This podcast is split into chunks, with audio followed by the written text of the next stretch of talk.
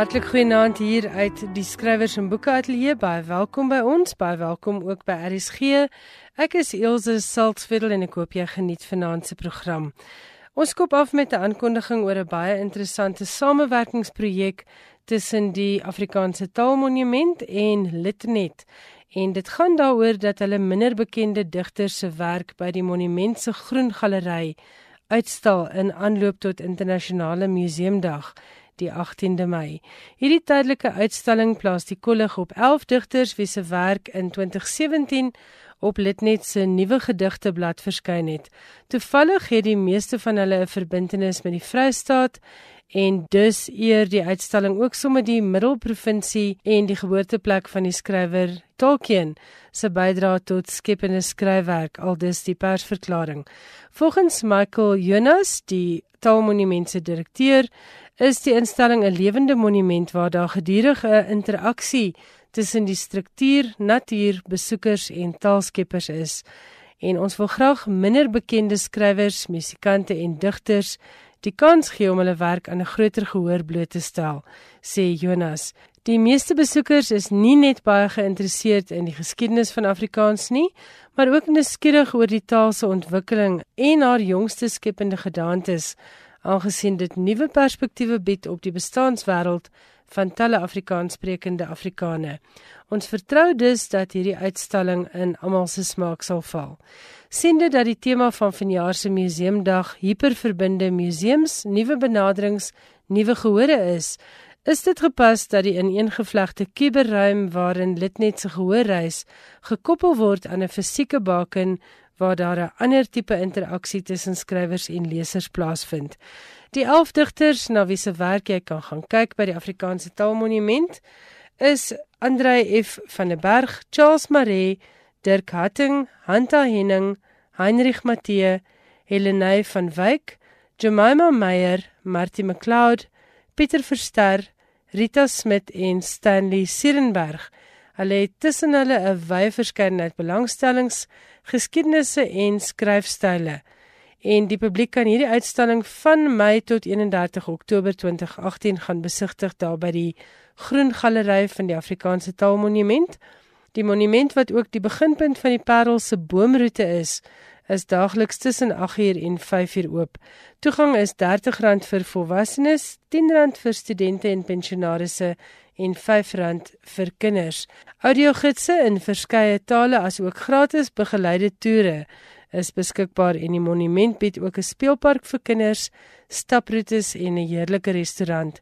So gaan maak gerus 'n draai daar by die Afrikaanse Taalmonument in die Parel en loer in by die Groen Galery met die spesiale tydelike uitstalling wat die kollig plaas op 11 Litnet digters. As jy meer oor die Taalmonument wil weet, gaan maak 'n draai op hulle webwerf Dit is www.taalmonument.co.za. En as jy dalk wil bel om uit te vind van tye of iets anders, hulle nommer is 021 863 4809.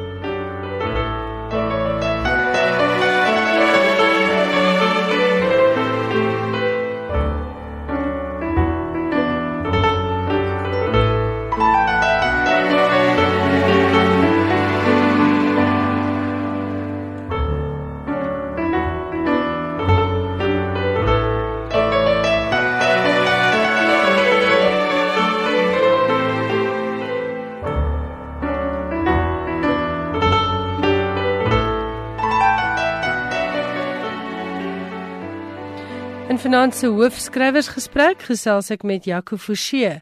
Jaco het in 1996 die eerste keer gepubliseer en sy boek Die ryk van die rawe is bekroon met die Eugène Maree debuutprys.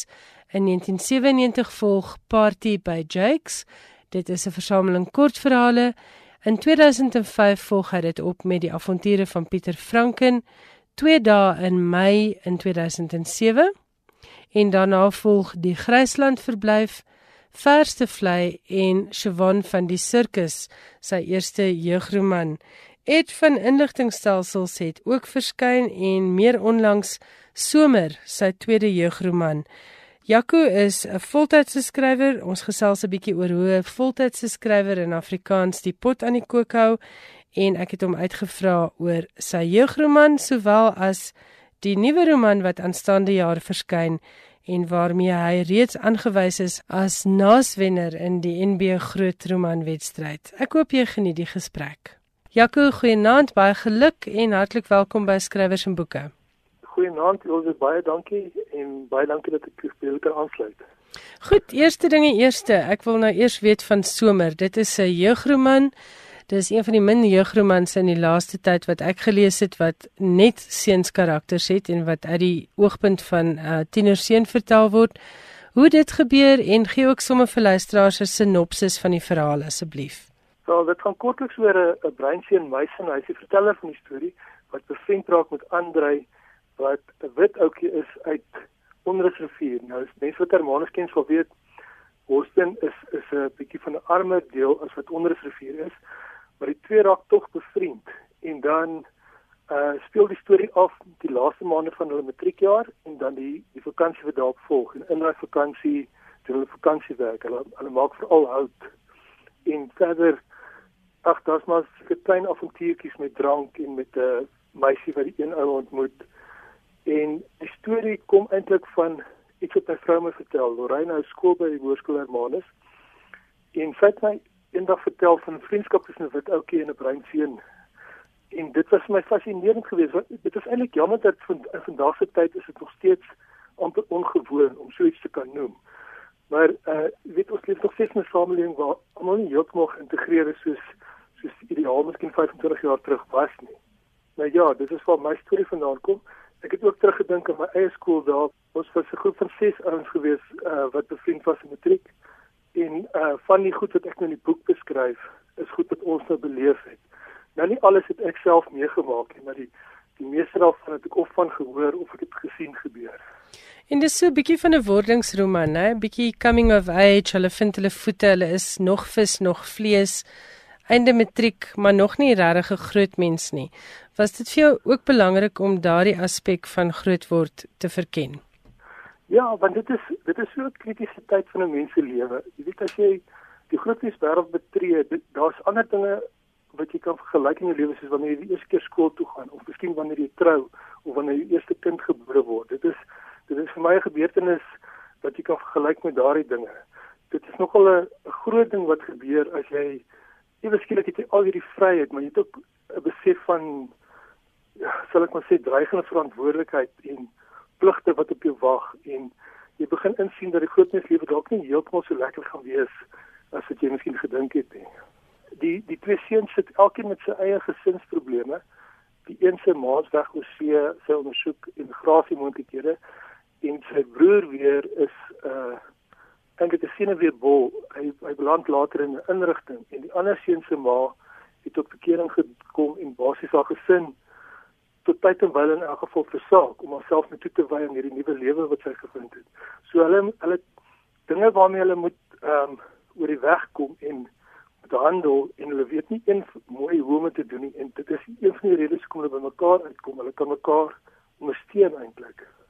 En sonder dat daar vreeslik baie gepraat word oor hierdie dinge, né? Dit is nie as want seuns praat mos nou nie eintlik nie. Hulle loop nie met hulle harte op hulle mou nie. Dis interessante ding wat jy daar noem. Ek dink wat mense doen is in die boek moet jy soort van dinge uitstel wat in die werklike lewe oor 'n veel langer periode te voorskyn sal kom. Ek as ek nou terugdink aan my tienerjare, ons was baie sarkasties met mekaar gewees. Maar daar was tog oomblikke van opregtheid en helderheid sal ek maar sê wanneer ons jy weet in 'n misak vies vir mekaar en daar daar kom tog baie waarin jy jou gevoelens wys en waar mense tot jy weet ander insigte kom nie net oor jouself nie, maar oor jou vriende en hulle omstandighede. Maar as jy nou 'n boek kan sit en skryf dan konsentreer jy al daai goed miskien in 'n paar sinne in en dan jy weet jy doen dit maar 'n bietjie anders. Wou jy spesifiek iets vir seun skryf en hoekom? Wel wat gebeur het is met my eerste jeugvrou wat sy won van die sirkus was, het ek het ek op 'n meisie gefokus en dit was vir my 'n logiese ding om nou heeltemal weg te beweeg daarvan en te kyk na seuns. En ek wil ook iets bied vir seuns wat miskien uh nie normaalweg na boeke sou kyk nie. Uh, as as ek kyk na jeugvrale, daar's baie soort van sensitiwiteit wat jy aantref in jeugvrale, maar daar's nie altyd so hardgebaktheid soos jy sal kry by seuns wat byvoorbeeld van rugby en sport hou nie. ek het nou albei aspekte probeer inwerk, die sensitiwiteit sowel as die hartgebaaktheid.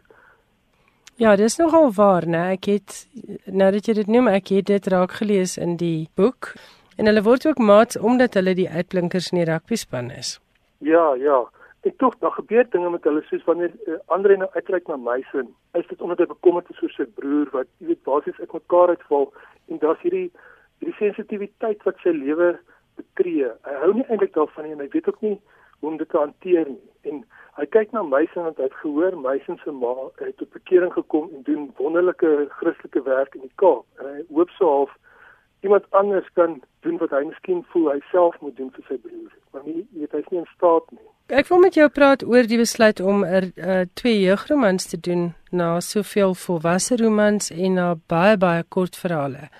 Was dit vir jou belangrik om ook hierdie genre te betree? Het jy self kinders? Wat was die motivering? Nee, ek het nie kinders nie. Ehm um, my een broer het wel vier seuns en dan aan Lorraine se kant haar twee broers het albei kinders en ek kom met hulle in aanraking. Die een klompie is nou al tieners. So ek hoor hulle praat met mekaar en partykeer lê ek van die lag vir snaakse goed wat uitkom. En dan onthou ek, jy weet, ek was ook eenmal 16 gewees en ek het ook simpel goed gesê wat ander mense laat praat het van die lag. Ek dink die hele ding van jeugverhale skryf, weet 'n mens wil uitbrei. Dit is in 'n mate soos om tydskrifverhale te skryf in die sin dat jy dit voet 'n ander deel van 'n mens se gemoed. Dit is ook lekker en dit is vir my asof daar daar's nie so 'n verwagting van gewigtigheid soos jy weet soos met volwasse literatuur nie. Dit is nogal lekker om te speel met jy weet 'n nuwe formaat. Ja, ek dink 'n mens kan 'n bietjie meer sorgvry wees in jou benadering en in die, in die taalgebruik en dinge soos daai. Tienerlesers is ook kritiese lesers, maar soos jy sê, dit het nie dieselfde letterkundige verwagtinge as 'n normale roman nie, né? Maar tog, 'n ander ding wat vir my opkom is as mense weer gepraat oor jeugfiksie ek het groot geword op vir natuurlik nie lees nou kan boeke in jou lewe maar daar was een stel boeke gewees die Just William boeke. En dit gaan oor 'n 11 jarige ouetjie 'n Britse laaitie. En hy beleef avonture ek dink as iets soos 20 boeke wat oor 30 jaar geskryf is en hy bly 11 jaar oud alhoewel sy omstandighede aanpas by die tyd. En die ouetjie se avonture het ek gevolg tot 'n matriek. Dit dit is net die mooiste boeke gewees om te lees want dit was op die oog af het dit gegaan oor 'n 11 jaar geseën, maar die die goed wat behandel is daar in die taalgebruik was baie keer meer gevorder. En dit ek het al gedink van die fiksie wat vir tieners bedoel is vandag steek eintlik af by daai fiksie wat bedoel is vir 11 jarige kinders. Ek sien net dink aan my eie skool daar. Ek was glad nie die enigste kind wat nou eintlik ons pa se boeke geleen het en gelees het en uitgeruil het onder mekaar nie.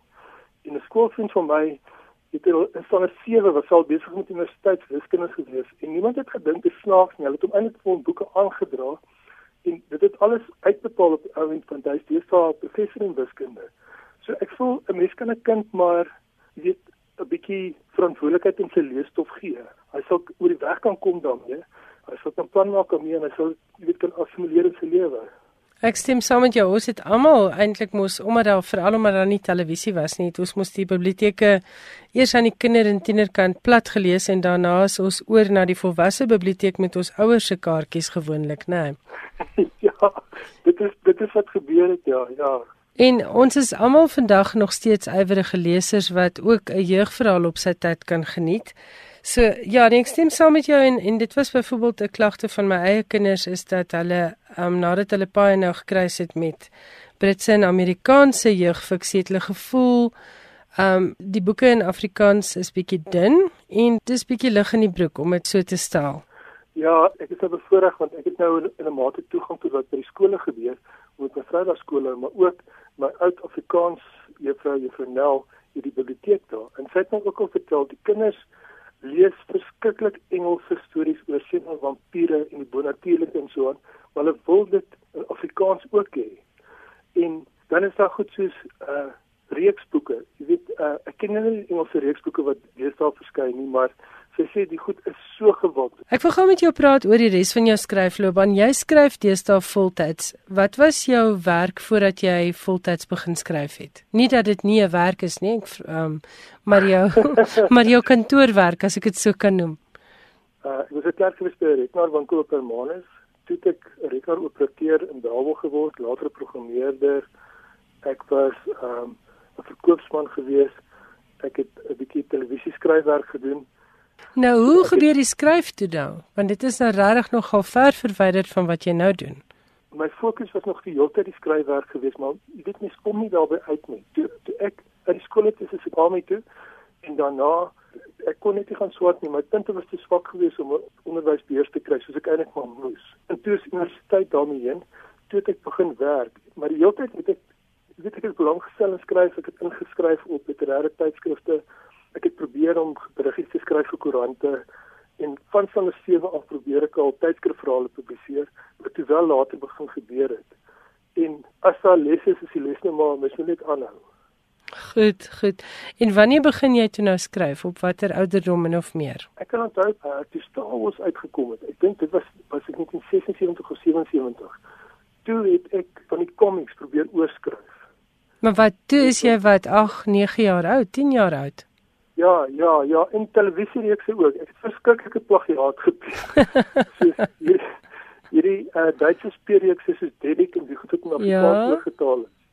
Ek het dit goed probeer oorskryf en weet ge herwerk en ek weet ek was versot op stories gewees en dan my pa is nog altyd 'n groot leser. Ek het na sy boeke in Irak gekyk en dan die Engels wat ek kon verstaan nie het ek die boek gevat en gekyk na die voorblad en dan maak ek my storie op oor die illustrasie op die voorblad. Ag, en daar's baie ander invloede gewees soos my pa het ons toegelaat om te lees net wat ons wou. So daar was altyd baie boeke en komiks in die huis gewees. As ek net dink aan die Classics Illustrated Comics, dit was so 'n hele reeks gewees met met bekende literêre werke wat in geïllustreerd oorvertel is. En daar was wonderlike goed gewees. Dis ook die eerste keer op Shakespeare afgekom het en daar's 'n bekende western storie die Oxford incident. Dit lê toevallig voor my. Ook 'n classics illustrated storie wat ek nou van kleins af ken. Jy weet en dit is nou 'n vereenvoudigde manier aangebied maar dit is nog steeds 'n groot storie wat inslag vind by 'n mens. En dit bly mense nogal by. Dis amper soos die Reader's Digest se condensed books onthou jy hulle? Ja die lees ek ook nogal ehm um, veral ek het so 2 jaar terug het ek John Grisham ontdek. En ja. ek het ook versot op sy stories. En baie van hulle het ek nou al gelees in die Reader's Digest Condensed weergawe. Goed. Maar wanneer besef jy toe as jy nie nou gaan begin skryf nie, gaan jy dit nooit doen nie. Wanneer het jy die eerste keer kom ek stel dit anders vir vir geld geskryf? Wel, wat gebeur het uh, in 1993? Ek het ek het toe gewerk as programmeerder, maar ek het geweet ek moet uit daai oop plan kantoor uitkom. Dit was vir my 'n terrible plek geweest. Toe gaan ek oor see ek het saam met 'n vriend van my gegaan. Ons het net vir 20 dae gegaan ons is Engeland toe. En toe ek terugkom, besluit ek, jy weet, dit is nou of nooit. Ek gaan nou 'n boek skryf en kyk of ek kan. As ek nie kan nie, vergeet ek van die hele storie. Toe is ehm um, daai romanwedstryd aan die gang. En ek skryf toe my poging in en ek ek is toe finalis gewees in die debuutafdeling.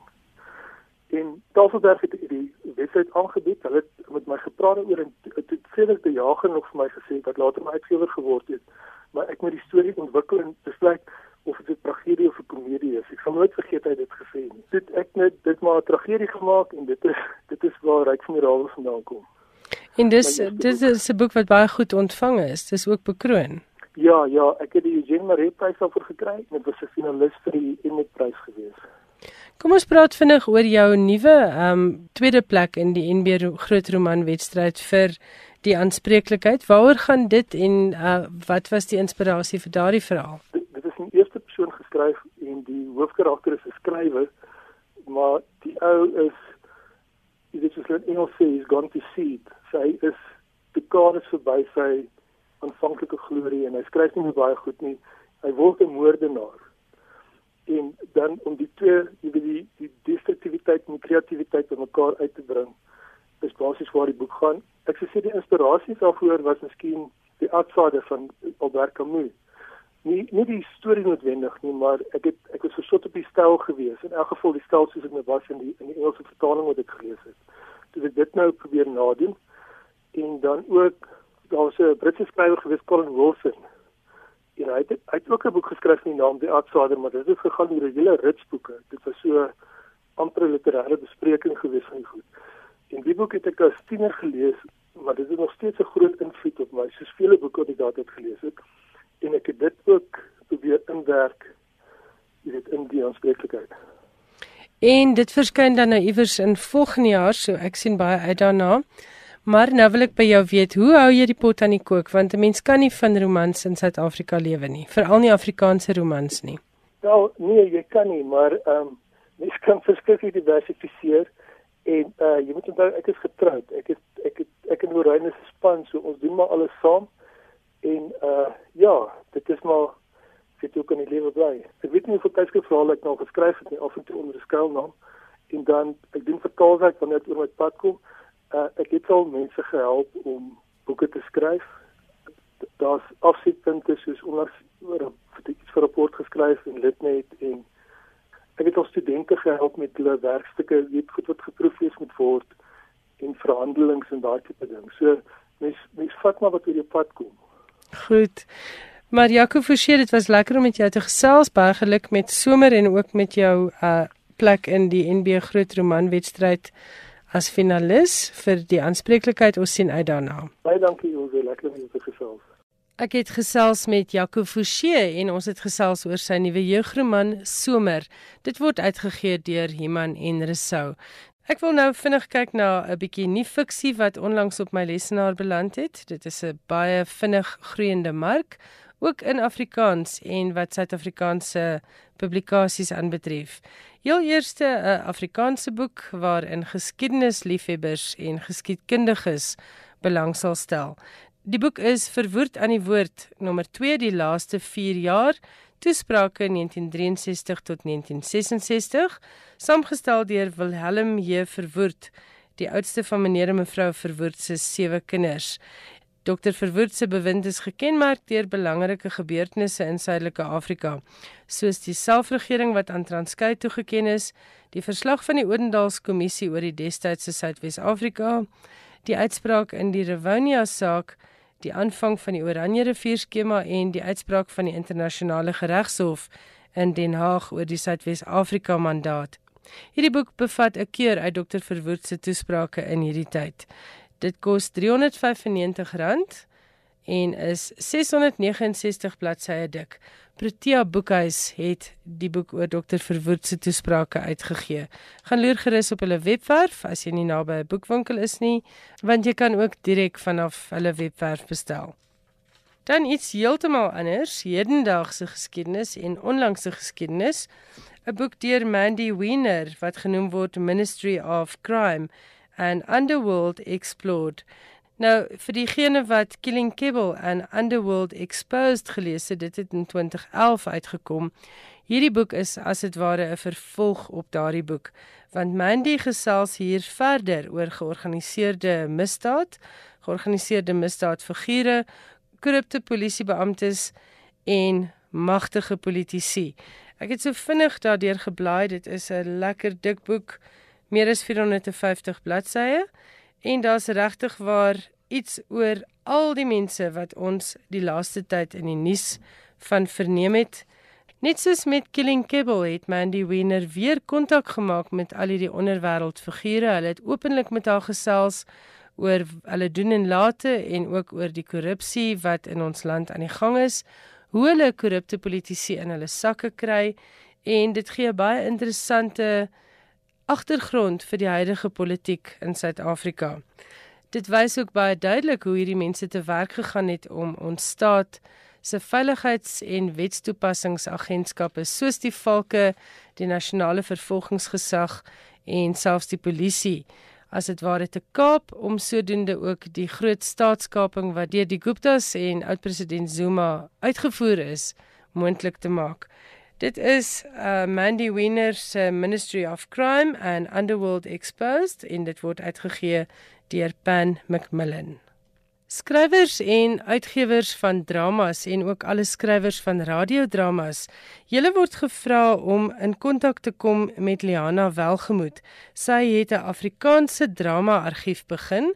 Dit word genoem die Afrikaanse kontemporêre drama argief.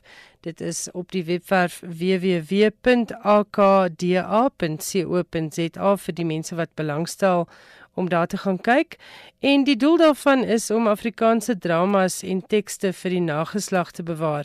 Liana is spesifiek op soek na radiodramas, maar alle dramas is baie welkom want sy probeer daarmee 'n volledige argief van Afrikaanse dramatekste opbou. Kontak haar by 072 604 2834 072 604 2834 en dit is die nommer van Diana Welgemoed wat die Afrikaanse kontemporêre drama argief op die been bring. Gaan loer gerus by die webwerf www.akda.co.za. Jy luister na skrywers en boeke op RSG. Nou ja, Jan Meiberg, baie lekker om jou terug te hê in die ateljee en jy skop af met so 'n bietjie polemiek en dit gaan oor die Nobelprys wat nie toegeken word nie. Die Switserse Akademie het Vrydag na weke van bespiegeling aangekondig dat die Nobelprys vir letterkunde nie vanjaar toegeken word nie. Die wenner van die 2018 Nobelprys vir letterkunde sal saam met die wenner van die 2019 prys volgende jaar in Oktober aangekondig word. Die akademie het by 5 vorige geleenthede die prys laat oorstaan na die volgende jaar. Die besluit is geneem omdat die lede van die akademie erg uitgedun is nadat etlike lede uit die akademie bedank het. Onder andere professor Sarah Danius, die permanente sekretaris, en so ook Katarina Frostenson, vrou van die Franse fotograaf Jean-Claude Arnault. Die akademie het in November verlede jaar onderskoot gekom vir sy hantering van die vermeende seksuele vergrype deur Arno. Dit sluit 'n voorval met die Sweedse troonopvolger, kroonprinses Victoria in. Die fotograaf ontken skuld op al die aantuigings. Daar was ook gerugte van oneenigheid en botsing van belange in die akademie en daar staan maar 11 van die oorspronklike 18 lede oor.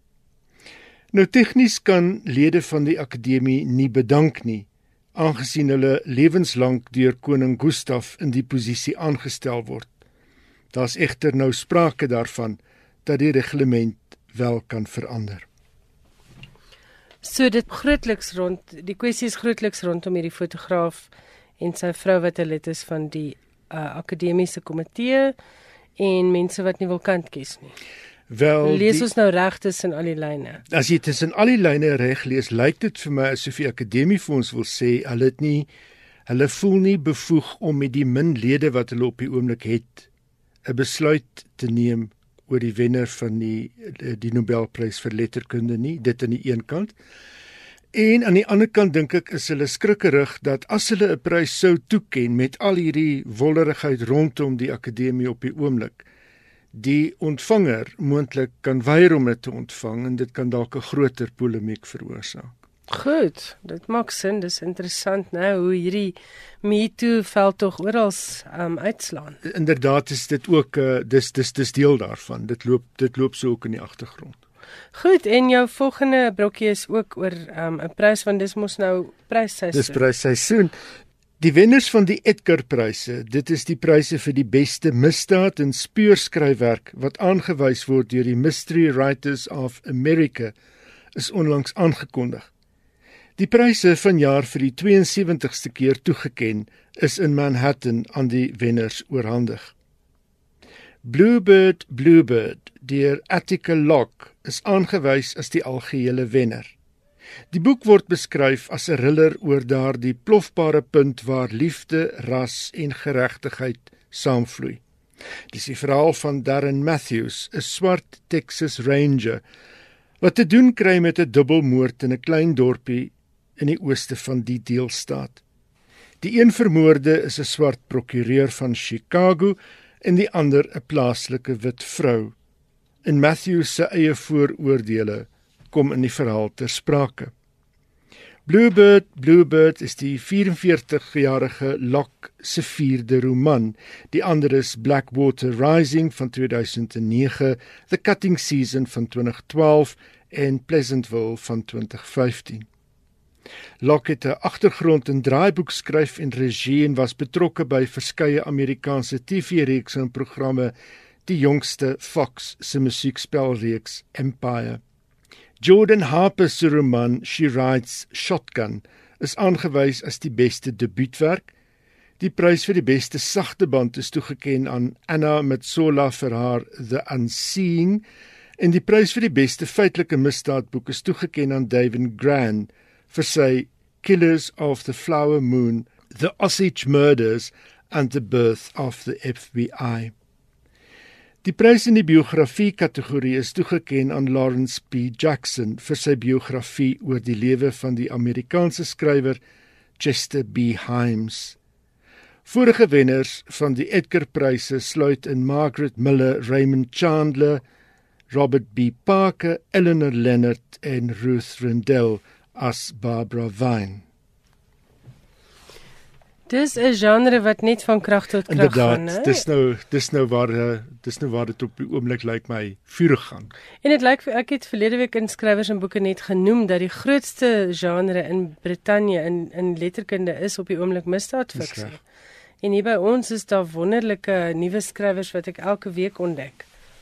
Goed, en dan is dit die uh Welcome Prys. Welcome prys. Wat is dit? Die 2018 Britse Wellcome Prys, 'n prys vir boeke oor gesondheid of medisyne en met 'n prysgeld van net meer as 'n half miljoen rand, is onlangs toegekend aan 'n debuutwerk, die van die Ierse skrywer Mark O'Connell. O'Connell het die prys wat uitgeloof word deur die Wellcome Stichting gekry vir sy boek To be a Machine, 'n verkenning van die beweging waarna verwys word as transhumanism en beteken dat die mensdom verby die huidige fisieke en intellektuele beperkings kan ontwikkel spesifiek deur wetenskap en tegnologie in te span.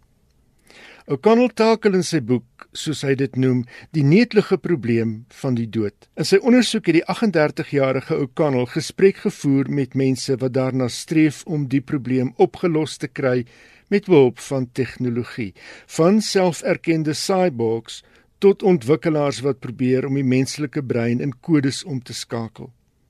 Onder sy gespreksgenote tel mense soos Elon Musk, PayPal se mede-stigter Peter Thiel en Google se hoofingenieur Ray Kurzweil. Maar daarmee saam kom hy ook agter die kap van die byl van die filosofie wat transhumanisme ten grondslag lê. Wat is my kans om 1000 jaar oud te word? Het O'Connell byvoorbeeld aan die ouderdomskenner Aubrey de Grey gevra. Ek sou sê dis 'n raps meer as 50-50, was die antwoord. Die struikelblok is die vlak van finansiële steun vir die navorsing. Edmund de Waal, sameroeper van die keurpaneel, het die boek beskryf as 'n besielde en vermaaklike verkenning van die strewe om vir ewig te lewe. Hoewel die boek die verwikkelde terrein van kunsmatige intelligensie en etiek aan die orde kry, is die boek verrassend en uiters leesbaar, is sy mening. O'Connell is 'n joernalis, skrywer en literêre kritikus, het De Waal bygevoeg. Hy het nie 'n doktorsgraad in die veld nie. Wat hy wel het, is 'n kritiese, onverskrokke, forensiese en nuuskierige ingesteldheid. En dit maak die boek so uitsonderlik. Ek weet hom nou nie of ek 1000 jaar wil leef nie, hè? Wel, dis die ander vraag. Ons kan in elk geval nie genoeg pensioen hê om 1000 jaar te leef nie. Nie teen die tempo nie, maar op 'n ander noot ek het nou die dag iewers gelees dat kenners reken die eerste mens wat 150 jaar oud kan word met die ontwikkeling van die moderne medisyne is reeds gebore. Want hulle reken uh, medisyne en die tegnologie waarmee medisyne toegedien kan word, soos nanotegnologie uh en die bestryding van siektes soos kanker en so is al so ver gevorder dat hulle daarin gaan slaag om mense 20 of 30 jaar langer aan die lewe te hou. Wel, ek ek ek ek sien maar net 80 jariges lyk nie meer soos wat hulle gelyk het toe ek 'n kind was nie. Maar jy sien, dis die ding. Verbeel jou nou ons moet 1000 jaar oud word, al die botox wat in die operasie gaan moet ingaan. Jou volgende brokkie Johan? Die Amerikaanse skrywer Annie Proulx is onlangs vereer met die 2018 Library of Congress prys vir Amerikaanse fiksie. Die prys en ek haal aan gee erkenning aan 'n gerekende skrywer wie se werk lesers iets nuuts leer oor die Amerikaanse ervaring. Met dit in gedagte het Proul daarin geslaag om in haar skryfwerk die wilde en onomlynde hart van Amerika vas te vang. Sy is so egte Amerikaner, het hulle gesê. Die 82-jarige Proul se bekendste roman is waarskynlik The Shipping News van 1993. Hoewel haar kortverhaal Brokeback Mountain haar roem besorg het toe dit in 2005 verwerk is tot draaiboek vir die gelyknamige rolprent. Sy is verlede jaar ook deur die National Book Foundation vereer vir haar bydrae tot letterkunde. Steeds in die FSA Een van die land se hoogste eerbewyse vir digters is toegeken aan Martin Espada, die eerste Latyns-Amerikaanse digter wat die eer te beurt val sedert die toekenning in 1986 in die lewe geroep is. Die Ruth Lilly Prys word toegeken aan 'n Amerikaanse digter wat nog in die lewe is en wie se bydrae tot letterkunde uitsondering verdien. Die prysgeld van net meer as 1,2 miljoen rand maak dit een van die grootste literêre pryse in die FSA. Die prys word geadministreer en toegeken deur die Poetry Foundation. As prokureur het die 60-jarige Martin Espada om self jare lank beywer vir die regte van Spaanssprekende inwoners van laer inkomste woonbuurte. En as digter en skrywer het hy die strewe na geregtigheid voortgesit tot die mate dat daar dikwels na hom verwys word as 'n politieke digter. Sy grootste invloed, erken hy, was sy pa, Frank Espada, in lewe 'n gemeenskapsaktivis en fotograaf wat onder meer verantwoordelik was vir die Puerto Rico diaspora dokumentêre projek. Die jongste van Espada se 14 digbundels het in 2016 verskyn. To those who have failed? Hier lees Martin Espada sy gedig Alabanza voor. This is also a 9 11 poem about the 9 11 that happened here, and particularly about the food service workers who were killed that day. Um, the word alabanza means praise in Spanish, and the full title of this poem is Alabanza in Praise of Local 100. For the 43 members of hotel employees and restaurant employees, Local 100, working at the windows on the World Restaurant, who lost their lives in the attack on the World Trade Center. And I'll finish with this. Alabanza. Praise the cook with a shaven head and a tattoo on his shoulder that said, Oye.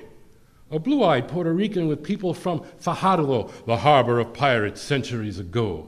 Praise the lighthouse in Fajardo, candle glimmering white to worship the dark saint of the sea, Alabanza. Praise the cooks yellow pirate's cap worn in the name of Roberto Clemente, his plane that flamed into the ocean, loaded with cans for Nicaragua, for all the mouths chewing the ash of earthquakes. Alabanza. Praise the kitchen radio, dial clicked even before the dial on the oven, so that music and Spanish rose before bread. Praise the bread, alabanza. Praise Manhattan from 107 flights up, like Atlantis glimpsed through the windows of an ancient aquarium. Praise the great windows where immigrants from the kitchen could squint and almost see their world. Hear the chant of nations Ecuador, Mexico, República Dominicana, Haiti, Yemen, Ghana, Bangladesh, Alabanza. Praise the kitchen in the morning where the gas burned blue on every stove and exhaust fans fired their diminutive propellers. Hands cracked eggs with quick thumbs or sliced open cartons to build an altar of cans. Alabanza. Praise the busboy's music, the chime, chime of his dishes and silverware in the tub. Alabanza. Praise the dish dog the dishwasher who worked that morning because another dishwasher could not stop coughing or because he needed overtime to pile the sacks of rice and beans for a family floating away on some Caribbean island plagued by frogs. Alabanza. Praise the waitress who heard the radio in the kitchen and sang to herself about a man gone. Alabanza.